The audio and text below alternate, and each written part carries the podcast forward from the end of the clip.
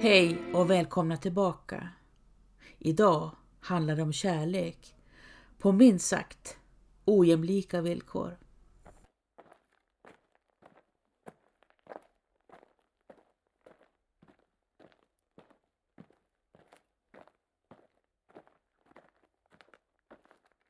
Don Quixote och Sancho Panza sitter lutade mot Bos fästning. Mossan är gul, himmelen färglös och omgivningen tyst. Äntligen fred, viskar Don Quixote. Slutligen menar du väl Don, svarar Sancho Panza. Men är du inte glad nu då, Sancho? muttrar Don Quixote. Nej, är du? Don Quixote gömmer ansiktet i händerna. Glad vore väl att överdriva. Sverige ligger i ruiner och tröttheten är påtaglig. På krig och på kungligt envälde. Karl XII dog barnlös. Nu är det hög tid att gifta sig, hade hans farmor, Hedvig Eleonora, skrivit till honom i brev när han låg ute i fält.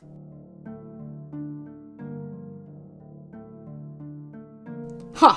hade Karl svarat. 40 är väl ingenting för en kar. Men Karl dog vid 38.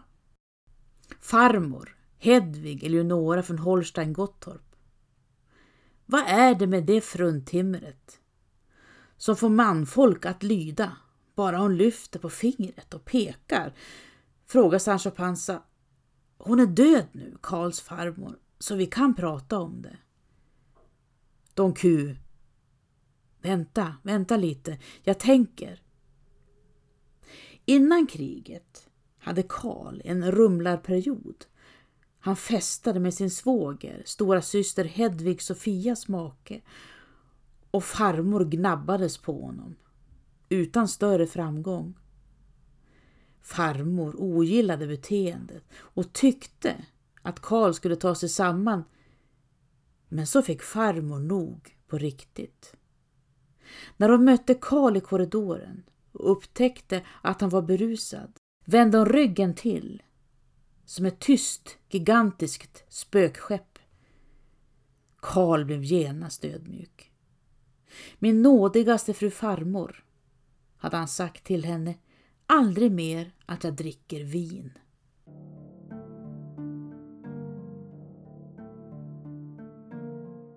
Karl XIIs syster, Ulrika Eleonora, var 12 år när Karl red ut i kriget. Föräldrarna var döda.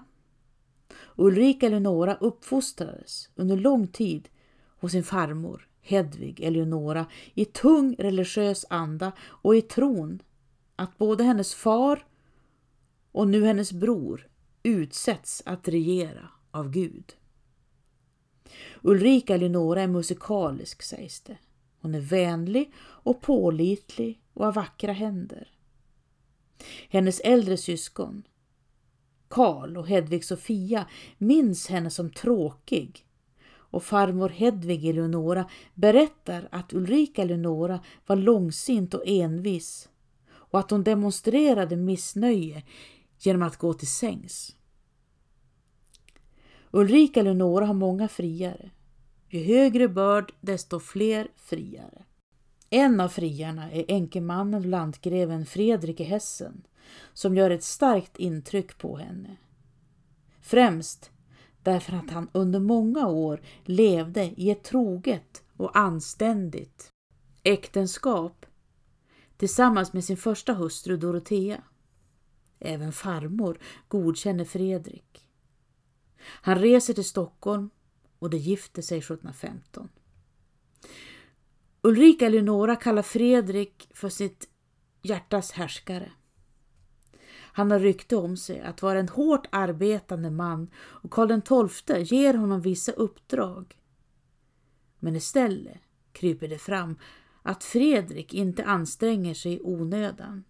Och han försöker inte ens lära sig svenska.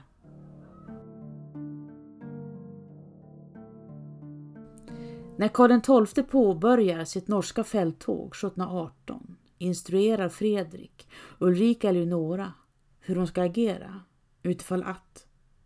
Och hon tar omgivningen med storm när Karl stupar i slutet av november.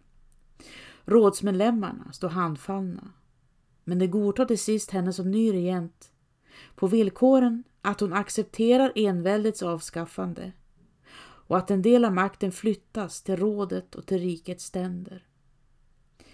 Ulrika Eleonora har svårt för nyordningen och kommer i dispyt med kanslipresidenten Arvid Horn.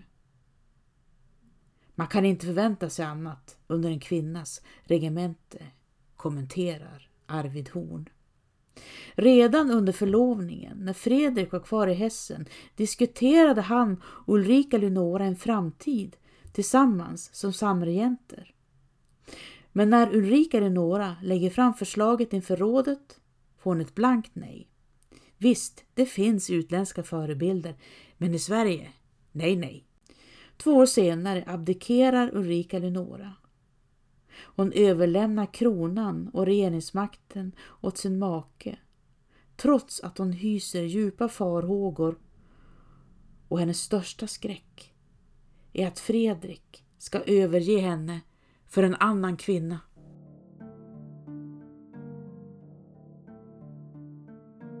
Fredrik är 56 år när han får syn på 16-åriga fröken Hedvig Taube under en bjudning hemma hos hennes faster och han blir omedelbart förälskad. Hedvigs far, amiral Edvard Didrik Taube, är spelmissbrukare och har sänkt familjens ekonomi så pass att de tvingas flytta från bostaden på Bläsjöholmen ut till Skeppsholmen. Familjen är stor. Edvard Didrik Taube och hans hustru har nio barn.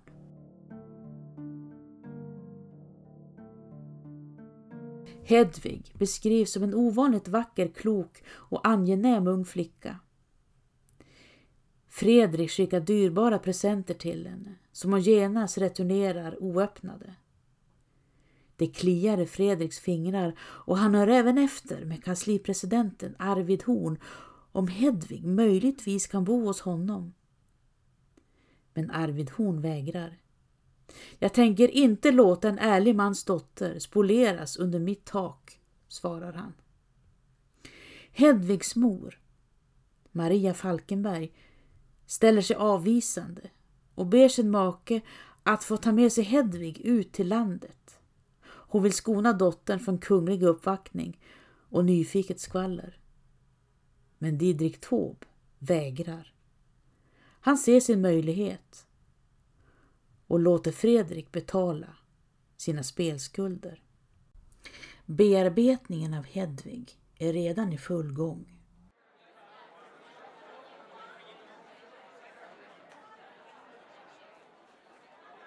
Tänk på sin familj, kära Hedda, och inte bara på sig själv.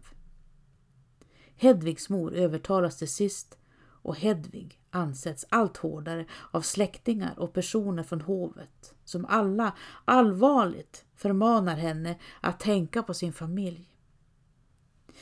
Vi smygläser lite i Hedvig Taubes fiktiva dagbok. Jag har sett kungen. Hans peruk var som ett hav av lockar. Det kom ännu en täckkorg från hovet idag. Givetvis kikade den genast i retur. Jag lyfte inte ens på locket. Fyra täckta korgar bara den här veckan. I retur. Kungen har sett mig. Jag menar, han har sett mig. Far tittade mig i ögonen idag.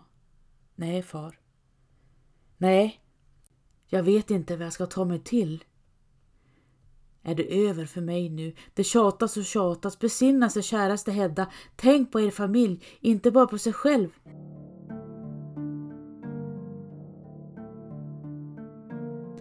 När Fredrik återkommer till Sverige efter en resa ner till sina hemtrakter i Kassel finns Hedvig redan vid hovet i tjänst hos drottning Ulrika Leonora.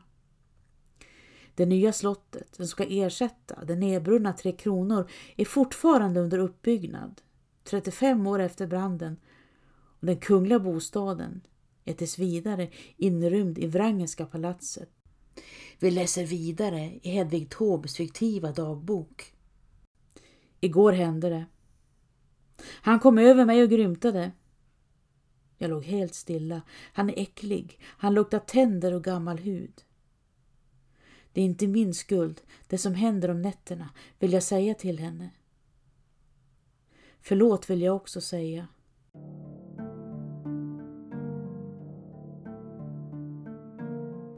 Ulrika Lunora hålls ovetande i början.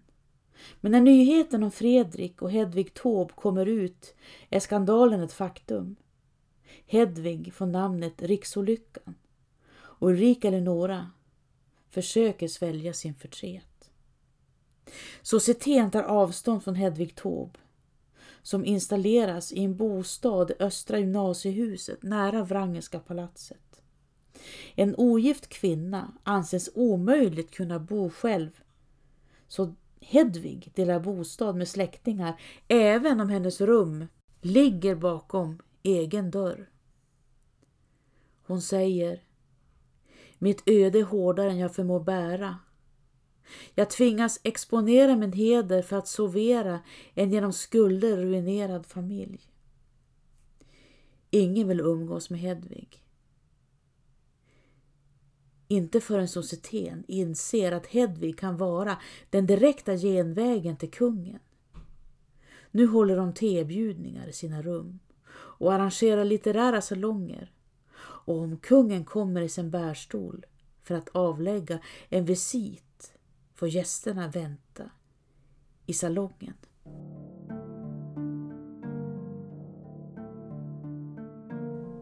Hedvig föder fyra barn, två söner och två döttrar. Under första graviditeten ligger hon mest i sängs opasslig. Men egentligen för att dölja sitt havandeskap. När barnet, en flicka, föds i februari 1734 placeras det genast hos en kaptensänka på Prästgatan men avlider kort efteråt. Förhållandet mellan Fredrik och Hedvig Taube är brottsligt och oetiskt, både enligt lagen, kyrkan och moralen och skulle rubriceras enkelt hor. Alltså förbjudet umgänge mellan en gift part och en ogift. Om Fredrik och Hedvig Taube tillhört vanligt folk.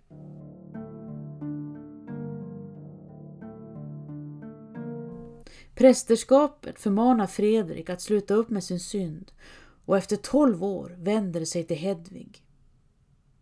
En delegation präster besöker henne tidigt en morgon och uppmanar henne att sluta upp med sitt syndiga liv och poängterar att hon som ensam mor till kungens barn är en dålig förebild för andra. Hedvig sitter upp. Hon har täckt ansiktet med ett stycke tyg och svarar gråtande. Det hade varit väl om detta hindrats för tolv år sedan, då jag i mina unga år ej kunde vårda mig själv. Den fiktiva dagboken igen. Präster kom till mig idag. De bad mig sluta synda. Jag ställer till med en scen. Om ni ändå kommit för tolv år sedan. Ni är tolv år försenade. Tolv år. Tolv år!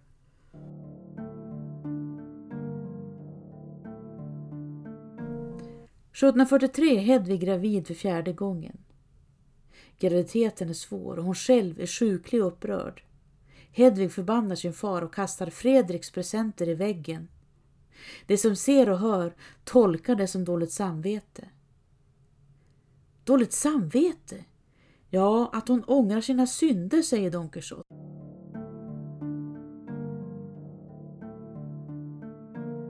Hedvig hade blivit rädd för helvetet det måste bero på prästernas ord. Hedvig, lyssna inte på dem, viskar Sancho Panza. Sancho, hon hör dig inte, svarar Don Quixote.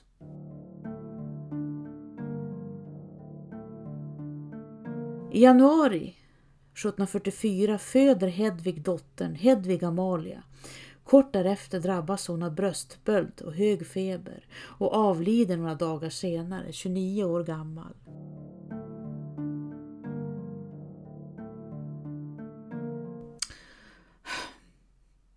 Man skulle haft en kärleksört. En sån där som Puck hade, midsommarnatten, när alla sprang om varandra, säger Sancho Panza. Sancho, rör inte till det nu bara. Nej då. Men Fredrik kunde gott få några droppar i ögonen när Ulrika Eleonora närmade sig borta i korridoren. Och Hedvig? Hedvig behöver ingen kärleksört. Det hade ordnat sig ändå.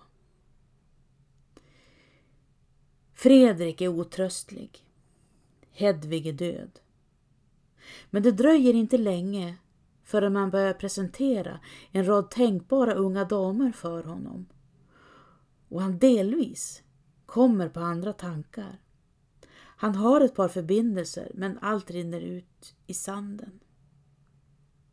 Fredrik är nu en bra bit över 60 år och damerna hämtas inte längre ur societetskretsar utan man plockar till slut upp prostituerade direkt från gatan. Och Fredrik, Jag värmer honom? Det är patetiskt. Har du fördomar Sancho? Nej, inte så, men han kan ju fortfarande inte prata svenska.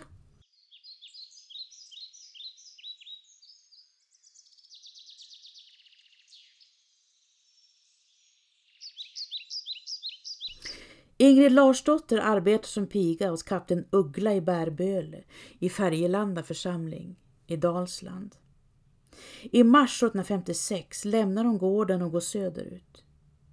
I fyra mil vandrar hon, genom skogar, över berg, förbi vattendrag, tills hon står utanför Furir Josef Forsells stuga vid Västgötadals regemente söder om Vänersborg.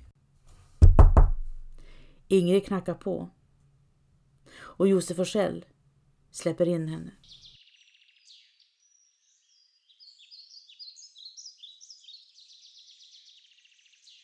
Morgonen efter bryter Ingrid upp och går tillbaka mot Bärböle igen. Ett par månader senare, framåt sommaren, begriper Ingrid att hon har blivit på det viset. Josef Forsell finns inte längre kvar i stugan söder om Vänersborg utan har skeppats ner till krigets Pommern tillsammans med resten av regementet. Ingrid skyler sig under tjocka klädlager. Hon berättar inte för någon utan gör sitt bästa för att dölja sitt tillstånd för omvärlden. Hösten och vintern underlättar och mörkret och de skumt upplysta rummen skyddar henne. Ingen ser riktigt hur hon ser ut. Och den enda som vet är Josef Forsell. På något vis har hon lyckats meddela honom.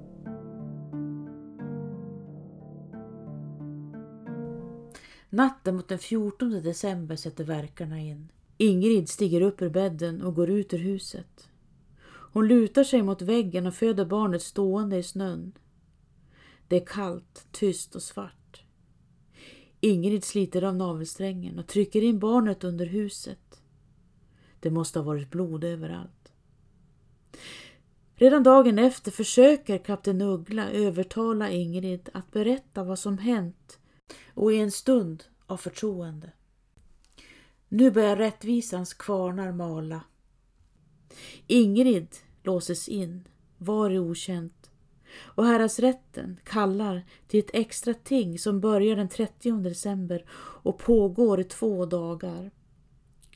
Rättens ordförande frågar Ingrid om Ingrid brukar ha umgänge med andra män också. Nej, svarar Ingrid, aldrig någonsin. Ingrid och Josef Forsell känner varandra sedan länge, visade sig Innan Ingrid började arbeta hos kapten Uggla i Bärböle tjänstgjorde hon hos Josef Forsells föräldrar. Ingrid svarar rätten att hon inte vet när hon är född. Men rätten upplyser henne om att hon föddes i Örs församling den 17 maj 1731. Far hette Lars och var skräddare, berättar Ingrid, och mor hette Karin. Jag rymde hemifrån så fort jag kunde och båda är döda nu, fortsätter hon.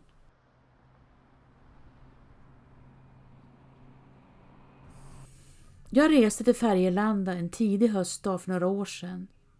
Bärböle är inte mycket mer än en grästäckt plätt nu. Men i bakgrunden vajar skogen som sett allt, då som nu.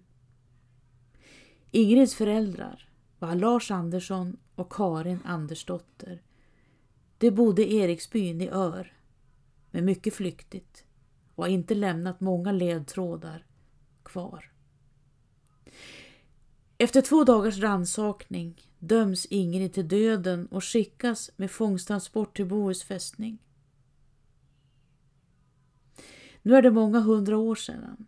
Ingeborg Håkansdotter satt på golvet med sina dockor eller drottning Blanche höll hov och fängelsehålorna på Bohus är fuktiga, kalla och dragiga. Det är ett mirakel att någon överlever sin tid här. Flera barnamörderskor sitter inlåsta samtidigt och barnamörderskan Ingrid Andersdotter hämtades ut några dagar före Ingrid. En grusväg leder upp till avrättningsplatsen vid Hällemon. Det var så stilla och tyst när jag var där på besök. Ingrid, tänkte jag, om jag ändå kunnat hjälpa dig.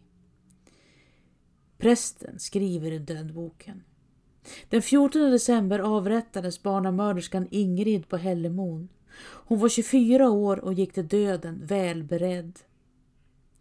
Josef Forsell återvänder till Sverige och gifter sig många år senare med en betydligt yngre adelsfröken och befar till många barn.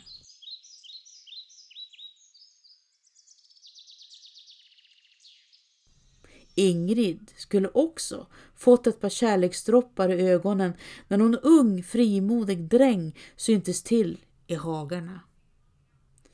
Så sant, svarade Don Quixote. Ingrid och Furir Forsell kunde aldrig bli annat än en smutsig hemlighet i en värld som tänker ojämlikt. Inte ens kärleken rår på konvenansen när det väl gäller. Men jag vill i alla fall tro att deras kärlek var stark, säger Sancho Panza. Jag också, svarar Don Quixote.